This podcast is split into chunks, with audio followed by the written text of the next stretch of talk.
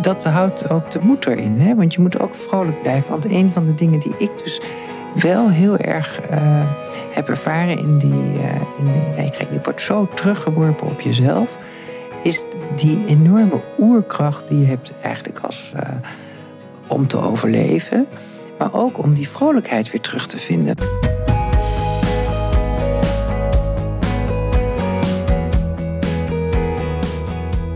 Je partner overlijdt. Hoe ga jij verder in je eentje? In mijn podcast Widow Talk interview ik weduwen en weduwnaars. We praten over alle facetten van ons verlies, de effecten daarvan en hoe we het leven weer op kunnen, nee, moeten pakken. Ook spreken we met bedrijven en andere experts die nabestaanden helpen hun leven weer op orde te krijgen. Met Widow Talk lever ik support voor jou na het verlies van je partner. Welkom, fijn dat je luistert.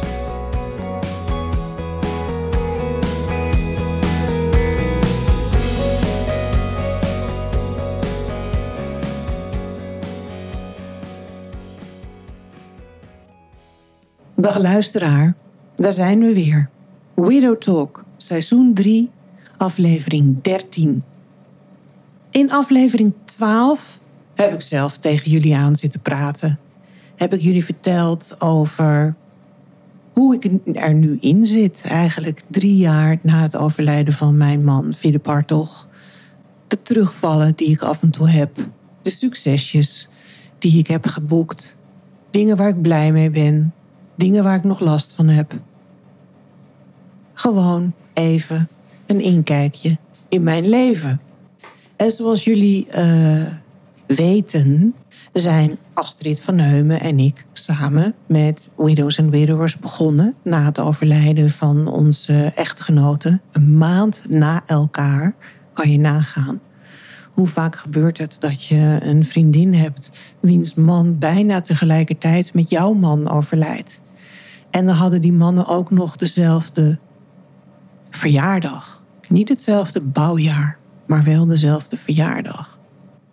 Enfin, dus ik dacht, jullie hebben naar mijn verhaal geluisterd. Nou willen jullie natuurlijk ook het verhaal van Astrid wel horen. Mijn counterpart binnen Widows en Widowers. Dus vandaag heb ik aan tafel Astrid van Heumen. Welkom Astrid. Leuk dat je er bent. Ja, dank eh, vriendin dat ik hierbij mag zijn. Ja toch spannend altijd om het verhaal eh, live eh, aan te bieden. Ja, ja, dat is ook zo. En het is voor ons natuurlijk ook een beetje lastig, want we weten heel veel van elkaar. Maar de luisteraar weet natuurlijk nog heel weinig over jou. Dus uh, ik ga jou gewoon wat vragen stellen. En als jij denkt van uh, dit wil ik uit mezelf delen, dan weet ik dat jij niet schroomt om dat te doen. Nee. Zoals duidelijk is, je kent me goed, hè? maar even beginnen bij waar ik mee begon. Lode is nu een, een, een dikke drie jaar overleden. Ja. Uh, hoe, hoe zit jij erin? Hoe zit jij in je, in je vel? Ja, dat is uh, de ene dag beter dan de andere dag. Kijk, Lode is op 2 augustus 2020 heeft hij gekozen een einde te maken aan zijn leven. Dat was voor mij niet heel onverwachts, maar toch een grote shock dat zoiets echt gebeurt. En dan notabene in mijn leven, terwijl je eigenlijk daarover denkt dat anderen dat zou kunnen overkomen, maar natuurlijk nooit jezelf. Ja. Dus dat was voor mij een ontzettende harde reality check. En ook een moment dat je eigenlijk buiten jezelf treedt. En je komt in een film waarvan je denkt: hé, hey, ik weet hoe het loopt, maar eigenlijk ben ik volledig de regie kwijt. En dat moment, dat was zo uh, ja, alles overheersend. Dat geeft je zoveel uh, onrust en uh, ja, heel veel verdriet natuurlijk. Maar ook kracht om door te gaan. Want ik heb een dochter, Josephine, die was toen 13. En nou ja, dat is voor mezelf geweest een moment van oké, de schouders eronder, maar ook natuurlijk enorm emotioneel. Maar eigenlijk ook een moment van bezinning. Dat het leven ja, geleefd moet worden en dat je het echt niet kunt ja, beïnvloeden op die manier dat wat anderen doen. Dus dat was voor mij een hele harde les. Ja. En kijk, Lode was, uh, ja, ik heb het wel vaker gezegd, uh, depressiviteit is een dodelijke ziekte. En uiteindelijk moet ik dat, uh, ja, kan ik dat alleen maar beamen. En gelukkig heeft hij het netjes gedaan, voor zover dat kan. heeft met on, rekening met ons gehouden in alle details, ook met hele mooie brieven. En nou ja, als mijn dochter 18 wordt, is er ook nog een brief, zodat ze het misschien beter kan begrijpen. Dat is mooi. Ja, dat hoop ik. Dat, dat, dat is maar... dan iets. Ja, je weet natuurlijk nooit wat er in zo'n brief staat. Maar um, het achterlaten van die brieven, dat moet dan nog een soort van troost kunnen geven aan de nabestaanden, denk ik, in deze situatie. Nou, het was goed om te lezen dat uh, de demonen die hij uh, bevocht, dat hij dat uh, ons niet meer aan wilde doen. Dus ik zie zijn ja, ja, um, onoverkomelijke daad, zijn dat zo ontzettend uh, abrupt einde, dat zie ik toch als een daad van liefde.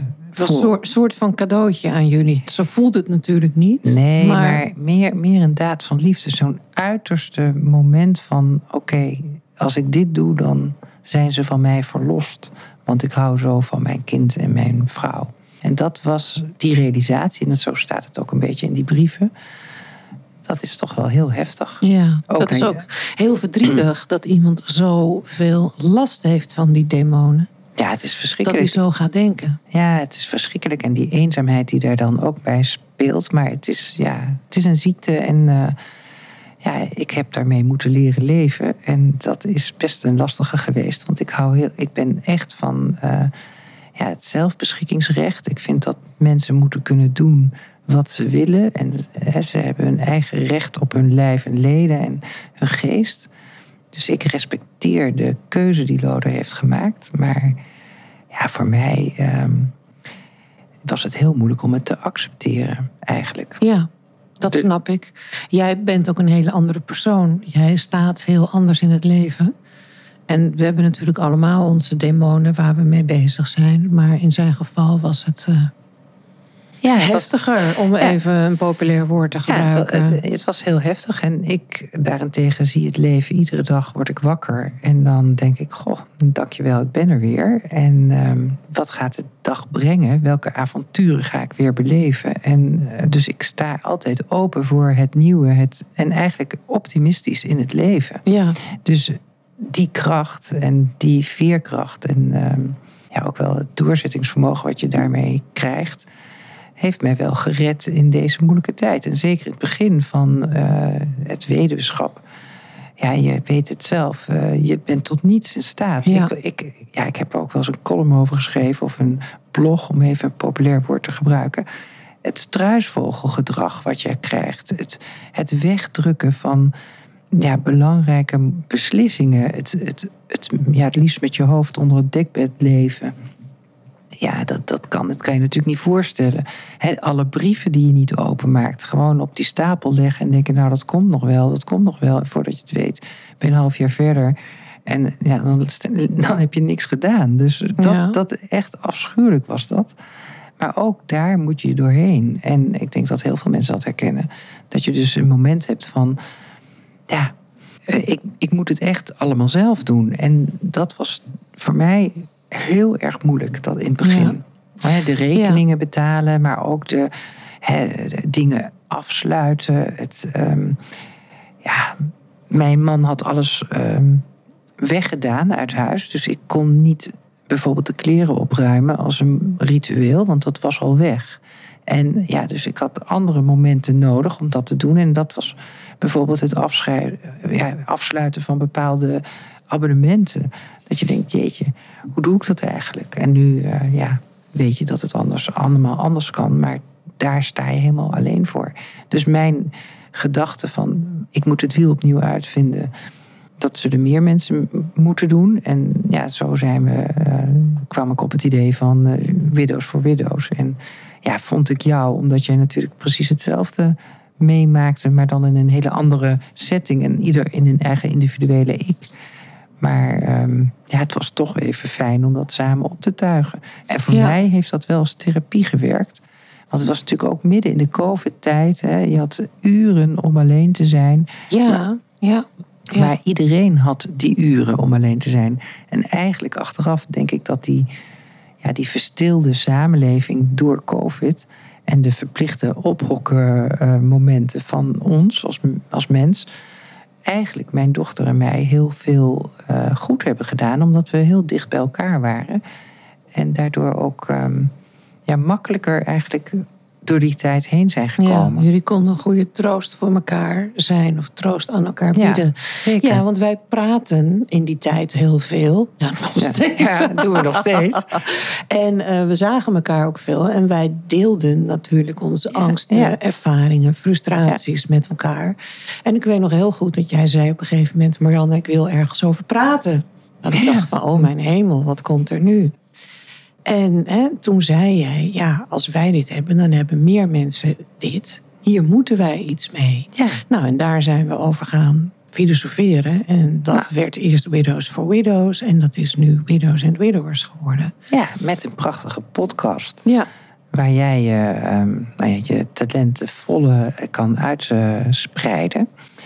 Dat is echt ja. fantastisch. En kijk, dat is het, uh, het rare aan het geheel. Is dus dat je enerzijds zit je in zo'n rouw en in zo'n moeilijke periode, omdat je realiseert: ik moet alles zelf doen. Wie doet het voor mij? Wie helpt mij? En uiteindelijk heb je heel veel goede adviezen, maar uiteindelijk, deep down, moet je het toch allemaal zelf doen. En dan is het heel fijn als je ja, steunen en toeverlaat hebt van lotgenoten. En ja, ja dan, daar, daar, kun je wat mee. Die luisteren ook naar je zonder oordeel. Ja, want ze hebben ook zelf niet dezelfde ervaringen, maar ze hebben wel hetzelfde verlies. Ja.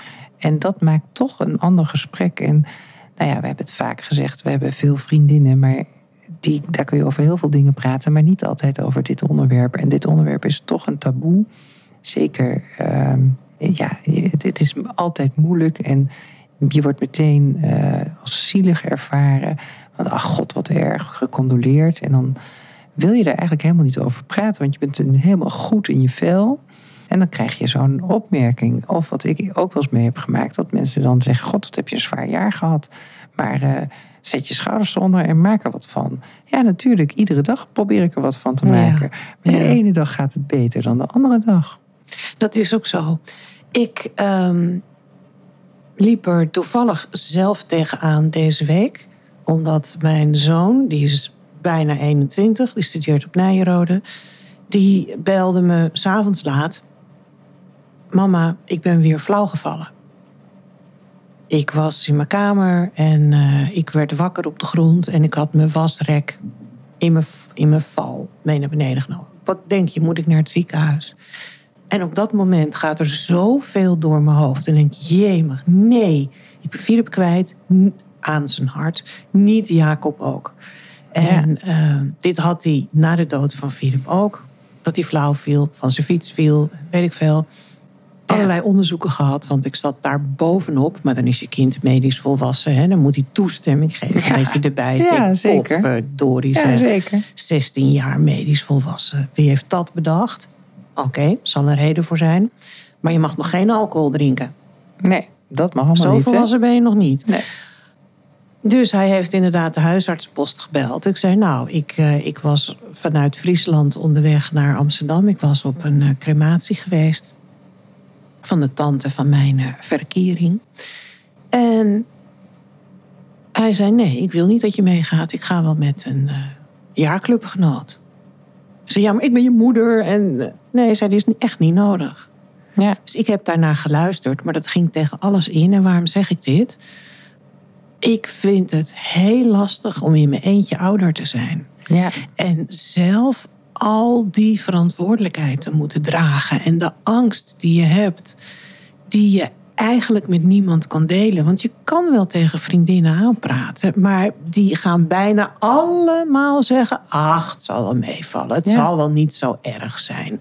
Als het bij één keer blijft. Iedereen voelt altijd de neiging om jou te vertellen dat jouw gevoel ja, eigenlijk, eigenlijk niet nodig is. Eigenlijk een beetje overdreven is. Ben ik een overdreven typeje? Soms. Absoluut. En ik melk het ook aan alle kanten uit. Maar, maar je moederhart of je vaderhart, want dat kan natuurlijk net zo goed. Dat spreekt. Dat spreekt. En als je de enige ouder bent, dan doet dat iets met je. Als nu mijn kind belt, neem ik altijd op. Voorheen wist ik, Filip is zo telefoonverslaafd. Ik hoef niet op te nemen, want na mij bellen ze Filip en die neemt altijd op. Ja. En nu denk ik, shoot, wat zou er zijn? Ja. Herken jij dat? Ja, dat herken ik. Ik heb zelf één dochter. En eh, ja, dat, dat is eh, naast een hele gezellige huisgenoot... is dat natuurlijk toch ook je dochter en je kind. En daar doe je alles voor. En ja, het is, eh, de angst heb ik ook wel een beetje, maar... Zij is eh, gelukkig niet flauw gevallen. En dat, is Dat alle- dat, is allemaal nog niet zo. Ze is nu 17, en, eh, maar ja, die gaat op onderzoek uit. En dat is ook wel lastig, want ja, ik heb wel tegen haar gezegd van nou, ik, onze relatie is- bestaat uit eh, vertrouwen. Je moet me alles, je kunt me alles zeggen. Ik zou het waarderen dat je dat ook doet. En dan kan ik jou in vertrouwen ergens naartoe laten gaan. En dan ga ik ervan uit dat het, ja, zoals bij alle andere kinderen, meestal goed komt.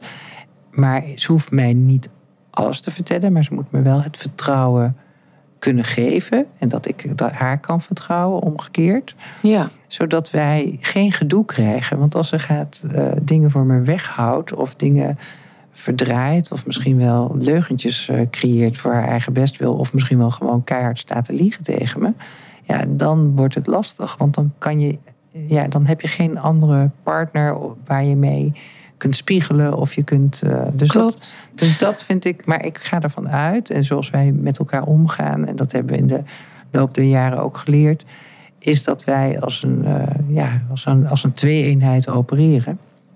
Wat natuurlijk ook niet helemaal gezond is, want dat moet ook weer veranderen. Want het is nu een jonge dame en eh, nou ja, die moet de wereld ook gaan Ja. veroveren en lekker gaan fladderen. En dat moet ik ook weer gaan doen. En dat is wel iets wat ik heel mooi vind in de ontwikkeling van de afgelopen jaren.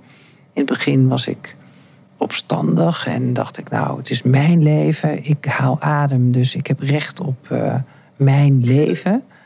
En aan de andere kant is er iets aparts aan de gang dat je bent verder en dan ben je dus niet meer zo opstandig. En dan realiseer je ineens van, goh, de gegeven vrijheid door de dood, die mij is overkomen. Oké, ik heb er niet, voor ge- niet om gevraagd, ik heb het niet eh, gezocht. Maar die gegeven vrijheid is nu toch iets wat ik koester. Ja. En ik ben er eigenlijk heel blij omdat ik een soort kans heb om mijn leven opnieuw in te delen. Om ehm, avontuur aan te gaan, en zakelijke avonturen. Maar ook in mijn privédomein. Dat ik gewoon lekker toch in vel ga zitten. Ik ga, hè, dat was natuurlijk niet zo. Ik was ook op een gegeven moment heel onzeker. Dat je denkt van, ben ik wel leuk? Vinden mensen mij wel aardig? Ben ik wel bereikbaar? Ben ik niet een soort onaanraakbaar pe- persoon geworden door allerlei verdedigingsmechanismen die je toch optrekt? Hè? Soms heb je een schild wat je nodig hebt om te overleven. Ja, dat heb ik ook wel laten vallen. Ik denk dat. Ja. En er was een vrouw die zei tegen mij: van ja, Astrid, weet je, het is misschien wel het beste wat je ooit is overkomen. Nou, ik was woedend dat ze dat zei. Ja. En andere mensen noemen het louterend, een louterende ervaring. Het Hoe zijn allemaal mensen die geen partner verloren die zijn. allemaal geen, Geen partner, partner verloren hebben. Nee, maar Ja. ze, weten, ze weten niet waar ze over praten. Want Nee. ik heb Maar hoe halen mensen het in hun hoofd om Ja, dat te zeggen? Precies, precies, die aanmatigheid, daar heb ik echt moeite mee. En ik vind het zo erg, want kijk, ik heb echt heel veel van mijn man gehouden. En natuurlijk doet iedere weduwe en weduwenaar dat. Hè? En ook als het goed is, ben je niet blij dat iemand eh, Nee. ja, naar, naar de andere fase gaat. Volgens mij kan je nog zo boos op Je kan- elkaar zijn. maar je houdt van je, elkaar. Je, je wenst... De, de- nou ja, Maar je dit, wenst- dit- nee, dit wens je Dat niet. wens je niemand Nee. toe. Eh, Als het, eh, en gezonde mensen wensen dat elkaar niet toe in elk Ja. geval. Maar wat ik bijzonder vind, is dat mensen dus een soort aanmatigend gedrag aan, de, ja, aan je tonen. Terwijl ze eigenlijk voor die tijd heel respectvol met je omgingen. Dus daar heb ik wel moeite mee eh, gehad. En nu denk ik, ach, nou ja, goed, als je, jullie het, ik vind het louterend dat zij mij dit hebben laten weten. Het zegt jou iets over die Het mensen. zegt mij veel over de mens. Het is een, het, Maar herken jij dat andere- ook? Nou, ik heb nooit gehad dat mensen dat op die manier tegen mij zeiden. Nee. Nee. Nee. Ik heb wel ik heb een coach, Jacqueline Lammerts. Eh, ja, ik mag haar eigenlijk geen coach noemen.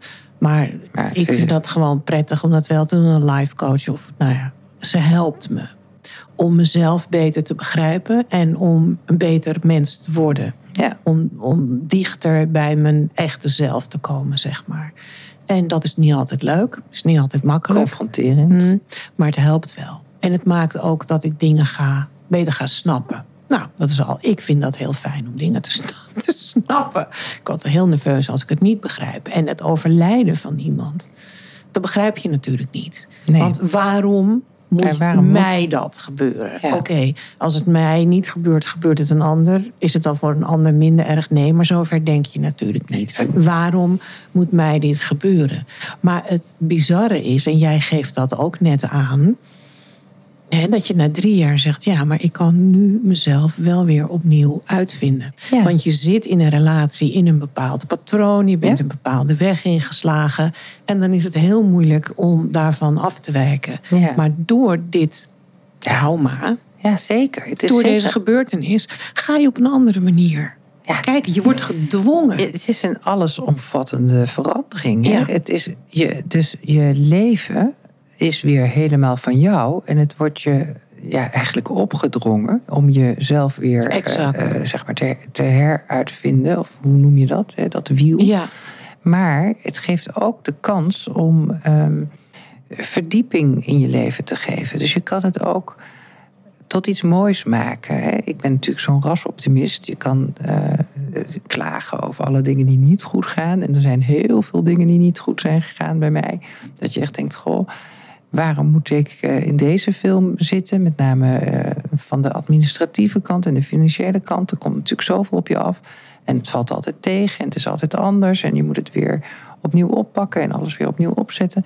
Maar toch, de positieve kant heeft het ook. Hè. Je kunt, zoals ik dat persoonlijk heel erg ervaar. Ik weet nu heel goed dat de, iedere minuut die je hebt, dat je die waard is om te leven. nou, pluk de dag, hè? Ja. Dat, dat Echt. is niet voor niks een uitdrukking. Want dat, dat weten wij als geen ander. Ja.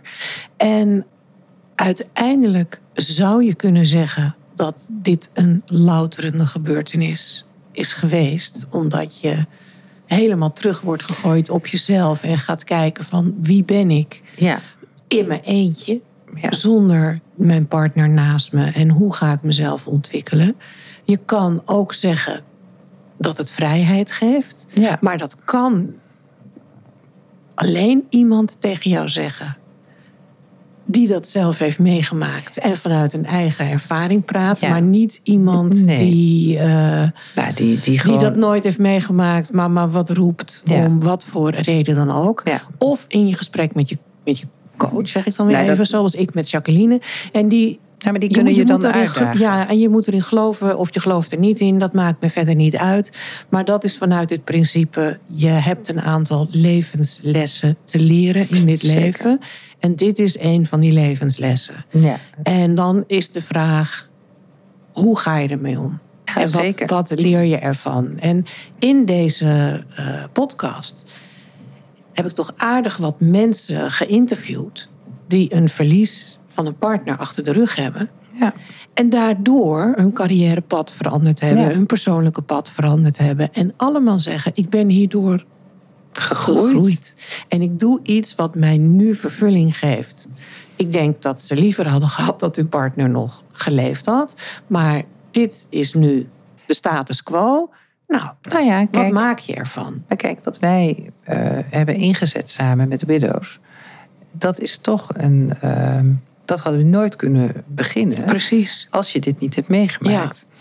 Deze podcast had nooit eh, kunnen ontstaan... zonder de ervaringen die wij hebben gehad. Ja, Wat ik bijzonder vind, en dat vind ik ook echt prettig om te delen, is: kijk, een leven, he- ieder mens heeft heel veel rollen in zijn leven. Je bent moeder misschien, of eh, vader, je bent eh, geliefde, je bent minnaar, je bent kok, je bent zakelijk actief, je doet van alles, maar het is, je bent en blijft één persoon. ja. En door zo'n ervaring van gemis gaan die rollen, eh, ja, die bewegen. Je, gaat, je bent dezelfde persoon, maar die rollen krijgen. Anderen worden naar achter geschoven, anderen komen naar voren, nieuwe rollen ontstaan. En dat is een hele mooie ervaring, vind ik, in het, in het, ja, in het weduwschap. Dat je dus de verschillende archetypen die je in je leven kent. Hè, bijvoorbeeld de godinnen uit de Griekse mythologie, uh, Athene, Artemis, Demeter, uh, Afrodite. Eigenlijk ben ze allemaal. Alleen door je nieuwe leven gaan die schuiven. Ja. Dus hè, ik zit nu veel meer in mijn hoofd, dus ik ben veel meer in Athene. En ja, ik hoop de Afrodite in mijzelf ook weer te ontdekken natuurlijk. Want dat is ook iets moeilijks. Je bent natuurlijk alleen. Je wil eigenlijk best wel weer iemand vinden. Je zou graag weer gekoesterd willen worden. Ik zeg dan wel eens lachend, nou, laat die prins op dat witte paard maar langskomen en me, en me naar, naar zijn burcht eh, meenemen. Maar aan de andere kant denk ik, nou, ik ben prima op mijn plek in mijn burcht. En ik haal die ophaalbrug uh, weer lekker omhoog. Want dan zit ik daar lekker in mijn eentje. Want dan ben ik best wel oké. Dus ik ben heel dubbel daarin. Maar dat zal ook wel zich weer uh, veranderen. Want ja, jij hebt inmiddels weer verkering in het ja. de man uit het noorden. Er schijnen mooie en goede mannen vandaan te komen. Ook heel eigenwijs. En, en ja, koppig. En koppig. maar dus ja, misschien... Gelukkig ben ik dat helemaal niet. Nee, nee, nee. Dus, nee. maar het komt allemaal weer goed. Dus, en als het niet goed komt, is het ook goed. Want alles, nou, dat, Astrid, dat hè? is wel zo. Ik denk wel, als ik dit overleefd heb, ja. en dat heb ik, ja. Dan kan ik alles aan. Ja, precies. Nou, niet alles. Ik, aan mijn kinderen moet je niet komen. Nee, maar, maar als ik het even op liefdes, over liefdesvlak heb. En dan kan het ontiegelijk veel pijn doen. Hè? Want dat, dat staat buiten kijf. Als je van iemand houdt en dat gaat om wat voor reden dan ook stuk, doet dat pijn. Maar ja. Ik weet dat ik uit die pijn kan komen en dat het een proces ja. is. Ja, maar dat is dus wat mooi. Hè? Dus ik heb, ja, nou ja, ik ben nog niet zo uh, ver als jij daarin, maar ik heb natuurlijk wel mijn, mijn ervaringen. En, ja, en ja. het, het zijn natuurlijk wel leuke mannen die ik dan tegenkom. Hè? Dus het is niet zo dat ik zeg maar als een soort non door het leven ga. Zo is het niet. Maar voorlopig, voorlopig wel. Hè? Ja. Dus het is nog niet zo dat ik denk van hé. Hey, ik heb de liefde van mijn leven gevonden. Want ik ben nog eigenlijk bezig met het afscheid nemen van de vader van mijn uh, lieve dochter. Maar iemand zei wel iets heel moois tegen mij. De liefde van je leven hoeft niet per se uh, de, va de vader van je kinderen te zijn. En het is er ook niet één. Het mogen er best meer zijn. Ja. En dat laatste, met name, vind ik een hele prettige gedachte. Want dan is er nog hoop voor mij om, want ik ben, ja, ik hoop heel erg oud te worden, maar absoluut niet alleen te blijven. Ja. Maar het is geen must. Het moet je gewoon exact. overkomen. Ja. Net, net zoals die dood mij is overkomen, hoop ik dat het leven mij ook weer gaat overkomen. Zodat ik die controle ook niet de hele tijd heb. Want dat is helemaal niet leuk om altijd een to-do-lijstje Nee. te moeten afvinken. Van nou, ik ben opgestaan, ik ben onder de douche geweest, ik heb mijn tanden gepoetst. Mijn eerste kopje koffie, allemaal zelf. Hè. Niemand gaat dat kopje koffie voor me zetten. Oh ja, ontbijtje. Oh, weet je, al die dagelijkse dingen. Hè, bijvoorbeeld, mijn ketel was kapot. Na, twee, hè, na jarenlang trouwdienst had ik ineens een koud huis. Ja, hoe los je Net dat toen op? het zo koud was. Net toen Ja. het zo koud was. Ja. Hoe los je dat op? Wie moet je bellen? Nou, dan ga je Ja. weer even via via. En dan gelukkig krijg je iemand eh, eh, te pakken. Nou, die kan je ook niet meteen helpen, want er zijn allemaal eh, wachttijden en nou, een gedoe zeg. Hartstikke koud. Maar ja, oké, hoe los je het op? Een elektrisch kacheltje, een dekentje. Nou ja, een beetje flink zijn als je onder de douche moet. Het is allemaal te doen. Hè? Het is te doen, Maar het is niet maar het is gezellig. niet, het is niet fijn. Nou ja, Astrid, je zit nu bij mij in huis in mijn eh, thuisstudio de podcast op te nemen. En als je achter je kijkt, Ja. zie je een noodkeuken staan. Ja, Ik ben in dit huis getrokken eind februari. Toen zou de keuken er zijn. Dat werd half maart. Toen werd het uh, heel veel verschillende keren. En de conclusie is dat we nu op half december zitten en hij is er nog niet. Nee, dus het kerstdiner moet uit de noodkeuken het, het, kerst, komen. Ja, uit de noodkeuken waar ik ook maar heel beperkt voorraad heb. Een paar borden, een paar messen, een paar vorken, een paar glazen, een, een kookpan en een koekenpan en een hapjespan. Allemaal gedoe. Ja. Daar, ik ben daarin enorm in de maling genomen door iemand die ik vertrouwde. Omdat ik al twintig jaar met hem samenwerkte, samen met Philip. Voor keukens, voor verschillende huizen waar we in die eh, twintig jaar met elkaar gewoond hebben. En dan denk ik, dit was nooit gebeurd als Philip nog had geleefd. Ja. Oké, dan had ik hier niet gewoond, maar het gaat om het principe. Maar die was ook al veel eerder in de pen geklommen. Die had uh, ja. uh, lelijke brieven belangrijke brieven hè, gestuurd om aansprakelijk te stellen en wat dan ook. Ja. En ik denk dan, ja, maar zo zit iemand toch niet in elkaar. En dan mis je gewoon die andere persoon. Ja, en dan je mist, moet je in actie komen. Maar je mist je partner, hè? Ja. Je mist je partner. En kijk, voor mij is het... Uh, ja, die, het is gewoon prettig om je sparringspartner naast je geliefde te hebben in dezelfde persoon. En dat, nou ja, dat, dat hoop ik dan nu nog een keer uh, in mijn leven te mogen treffen. En als het niet zo is geweest, ja, dan, uh, dan, dan is het zo. Maar, ja, nou, maar de kansen zijn. De, de, de kansen zijn, de, tekenen zijn anders. De tekenen zijn anders, laten we het zo zeggen. Maar ik, dat houdt ook de moed erin. Hè? Want je moet ook vrolijk blijven. Want een van de dingen die ik dus wel heel erg uh, heb ervaren in die. Uh, in nee, je wordt zo teruggeworpen op jezelf is die enorme oerkracht die je hebt eigenlijk als, uh, om te overleven. Maar ook om die vrolijkheid weer terug te vinden. Want ik wil toch een beetje vrolijk over deze situatie praten. Want daarom hebben we ook die vrolijke kleuren gekocht. Want hè, wij zijn degene die het leven nog genieten. Dus laten we dat dan optimaal uh, doen. Maar mijn ik weet nog, op een gegeven moment moest ik onbedaarlijk met jou lachen. In het begin van onze avonturen. En toen voelden we ons bijna schuldig erover. Dat we zo'n lol hadden. Maar weet je, het leven gaat door, zeggen al die oudere weduwen dan. Van het leven gaat gewoon door, iedere dag. Hè. gaat ja, die zon of je wil of niet, het gebeurt. En je moet, je moet het doorleven. En ik, natuurlijk hoop ik wel eens. Uh, uh, ja, net als, als, alsof je leven een Netflix-serie is, even saai, dus vast forward naar het goede stuk. Maar dat kan niet met het leven. Je moet het meemaken, je moet er doorheen. En ja, dat geeft ook uh, ja, voldoening en af en toe een goede huilbui is heel lekker. Vooral onder een warme douche, want uh, nu doe ik dat onder een koude douche. Maar hij is, hij is gemaakt voor, dus ik ben. Uh, het heeft maar vijf weken geduurd. Ach, joh. maar vijf weken. Maar wel lekker warm nu. En uh, ik heb geen klachten. Ik ben dolblij dat het allemaal doet. Maar je weet het ook wel weer te waarderen. Hè? Je dat gaat, is zeker zo. Dus het is zo die luxe. En Josephine maakte een fantastische opmerking vanochtend. Zeg maar, maar degene die die warme douche heeft uitgevonden... Die was, dat was echt een levensgenieter. Die verdient een lintje. Uh, ja. ja. ik vond het zo mooi dat ze zei... het was een levensgenieter. Ja. En dat woord, levensgenieten... Ja, dat vind ik, dat hoort ook wel dat bij is mij. Heel, ja, dat hoort zeker bij jou. Ja. Nou, moet je eens nagaan hoe ik van mijn leven ga genieten als eindelijk die flamingo roze keuken ja. daar staat. Nou, ik, ga, ik heb geen idee wanneer. Ik verheug me nu al op dat, op dat feestmaal wat we dan gaan krijgen. ik hoop met de Pasen. Ik ja, hoop ja. Dat, ja. ja, je moet toch wat zeggen, moet, hè? Ja. Je verjaardag duurt te lang, hè? Ja, dat duurt te lang. Ja, nee, nee. Hoop, hoop doet leven. Ja, nee, maar dat is zeker waar. Hoop doet leven. En ja, je, je, je moet... En, er zijn zoveel prachtige uitdrukken die het leven omarmen. En dat moeten wij gewoon doen. En ja, linksom of rechtsom, uh, je, je, hebt het niet in de hand, tenminste.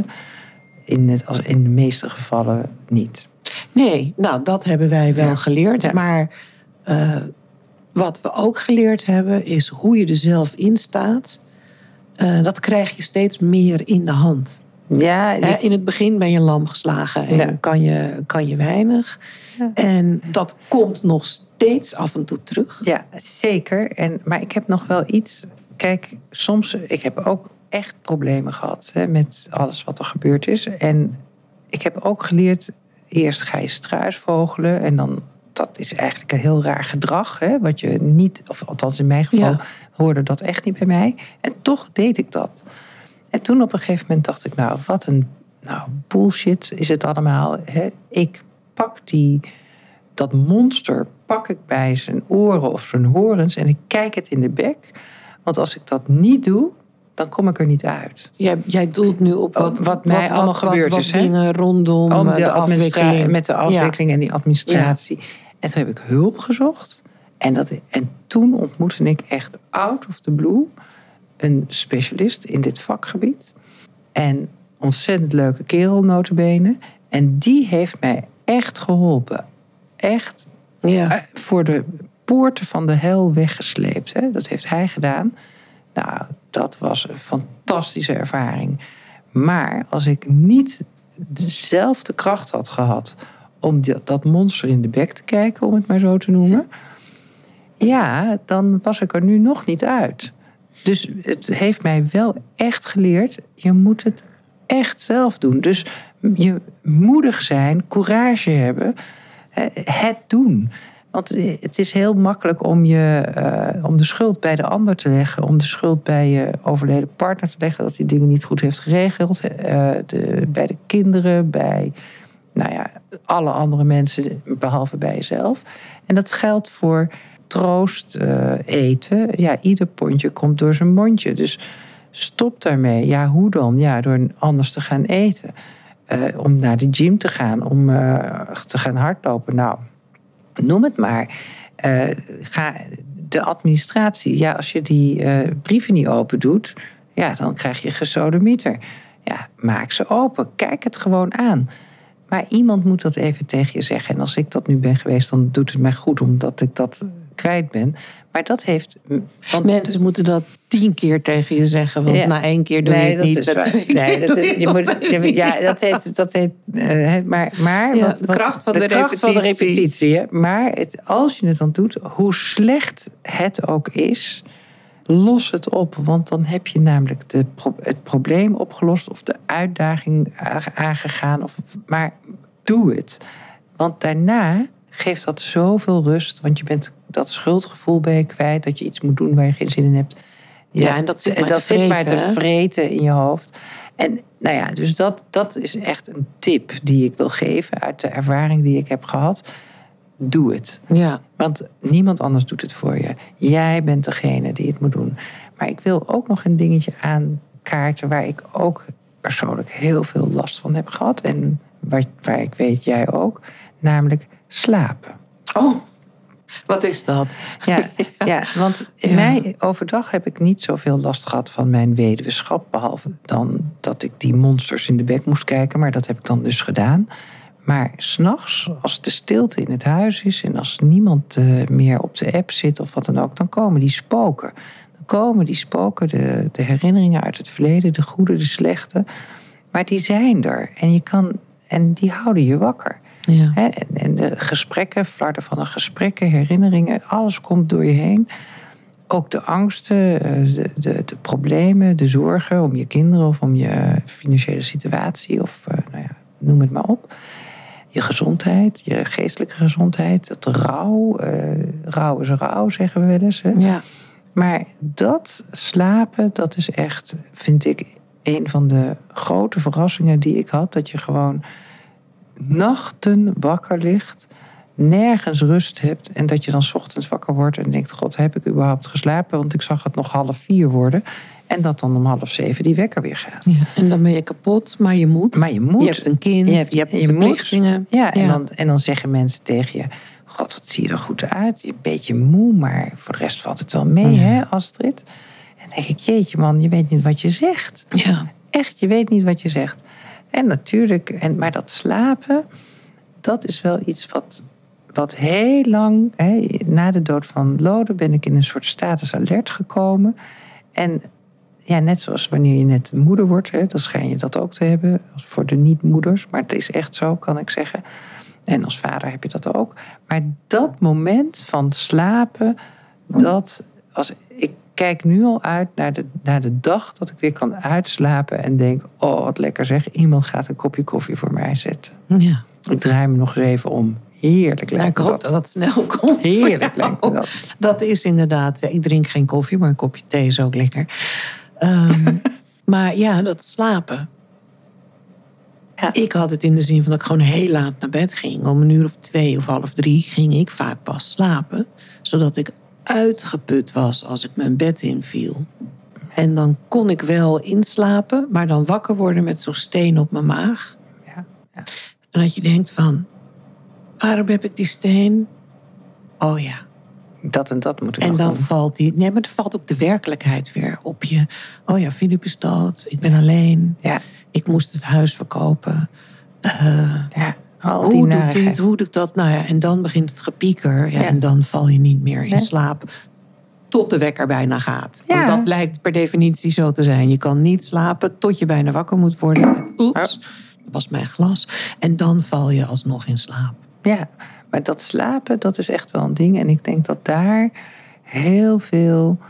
Ja, ehm, wat heel erg goed zou helpen, is dus dat je die problemen op gaat lossen. Ja. Want ik heb gemerkt, nadat ik die, nou ja, die handtekening onder alle stukken had gezet, kreeg ik rust. En kon ik in elk geval een uurtje langer slapen. Maar het is nog steeds niet over, want die spoken die komen.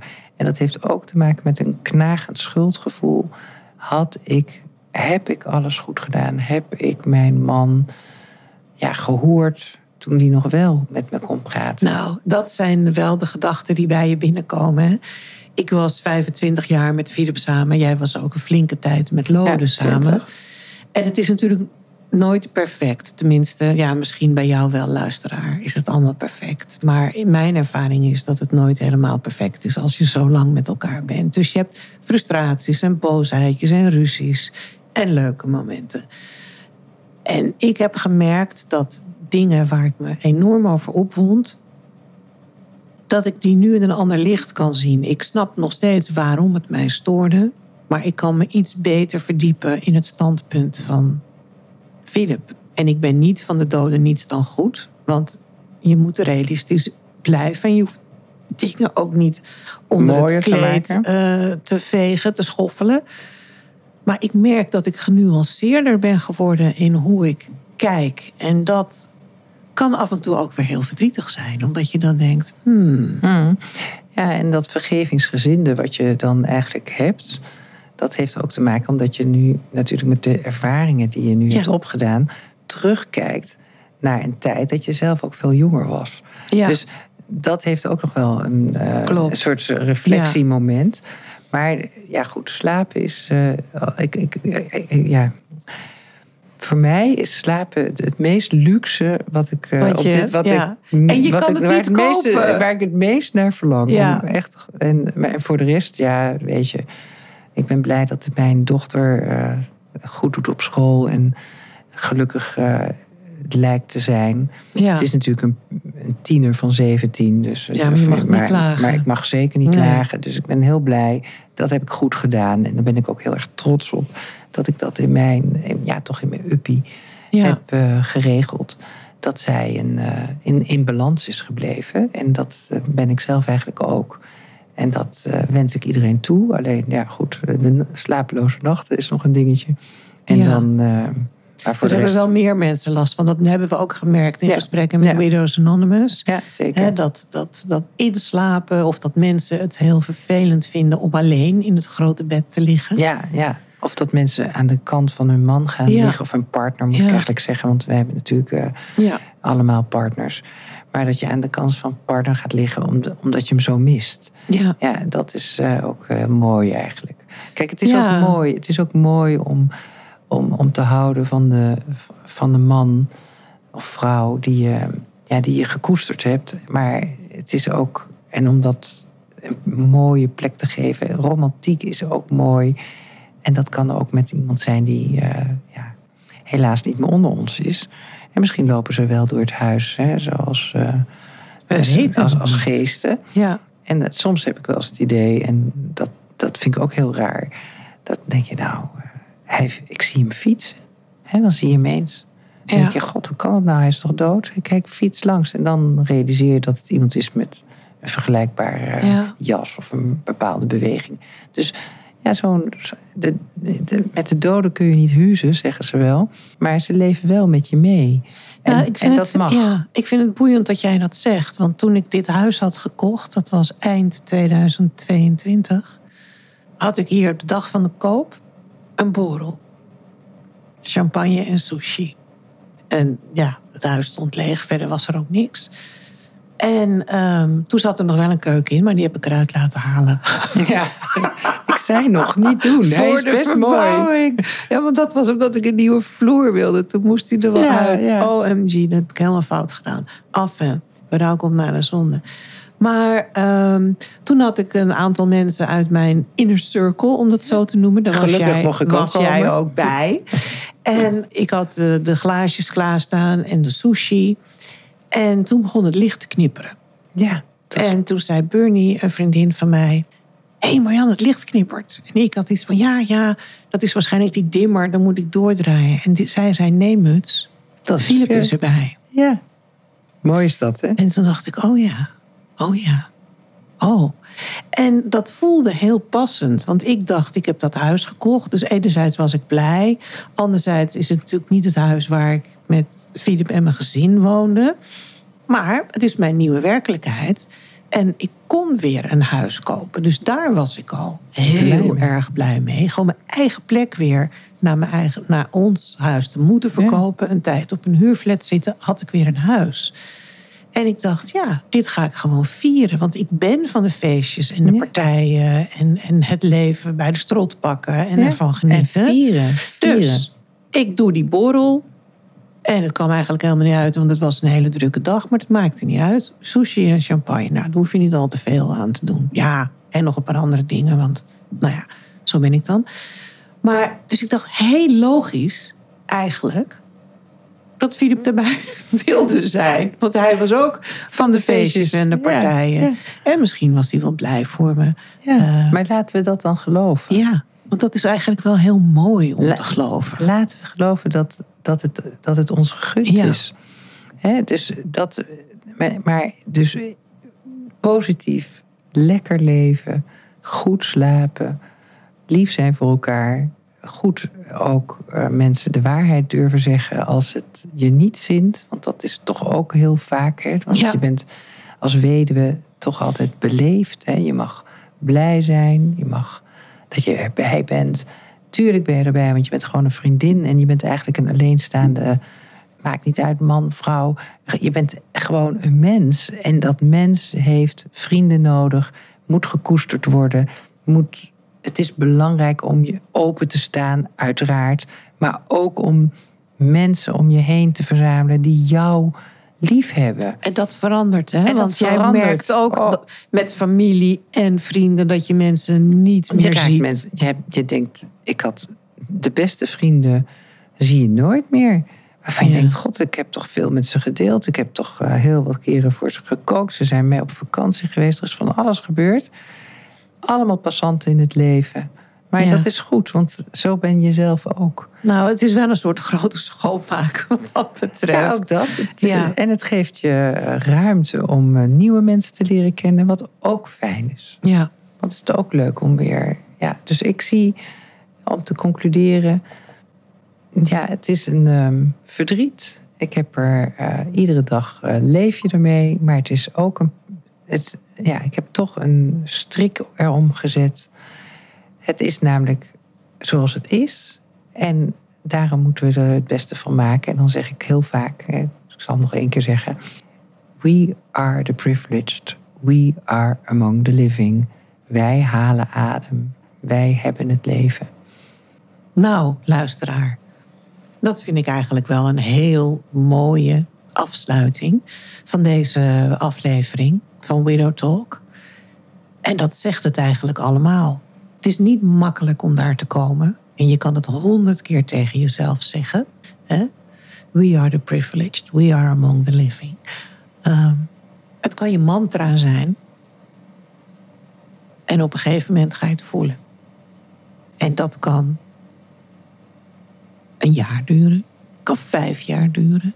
Maar door jezelf voor te houden, ik kom hier beter uit, ik kom hier sterker uit, zit je al in een mindset waarbij je daarnaar streeft, waarbij je daarvan uitgaat.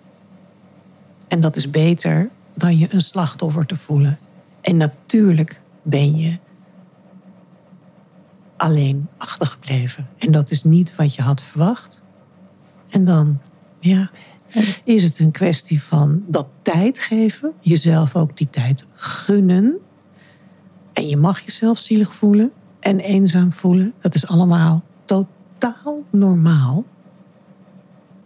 Als je dat te lang blijft doen, wordt het ongezond voor jou. Precies. Nou, en dat is, dat kan niet de bedoeling zijn. En het is heel moeilijk wellicht om daaruit te komen. Zoek daar hulp bij. Zeker, zoek hulp. En wij zijn er. Exact. Ja. Dankjewel, Astrid.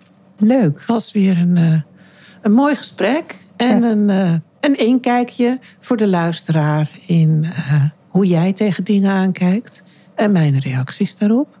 En Ja. dus hopelijk hebben mensen daar weer iets van opgestoken. Of denken ze, hé, hey, dat is ook een leuke manier om er naar te kijken. Het is niet de mijne, maar het is wel interessant om te horen. Dat kan allemaal. Ja, dat is zo fijn van dit medium. Hè? Alles kan en alles mag. Nou ja, ja binnen bepaalde grenzen. Ja, nee, zeker. maar zeker. eh, ja, ik denk dat wat deze podcast eh, interessant maakt, hè, de feedback die we krijgen van veel mensen, is dat het wisselende onderwerpen zijn. Sowieso. Dus het ene onderwerp zou je meer aan kunnen spreken dan het andere onderwerp. Maar ik hoor ook van mensen dat ze het heel fijn vinden om even mee te kijken. Hè, wat ik altijd noem het gluren bij de buren. Wat doen andere mensen? Wat ervaren andere mensen? En eh, dat kan gewoon prettig zijn. Dat Ja. hoeft niet eens voor jou een aha-erlevenis te zijn, om dat even goed Nederlands te zeggen.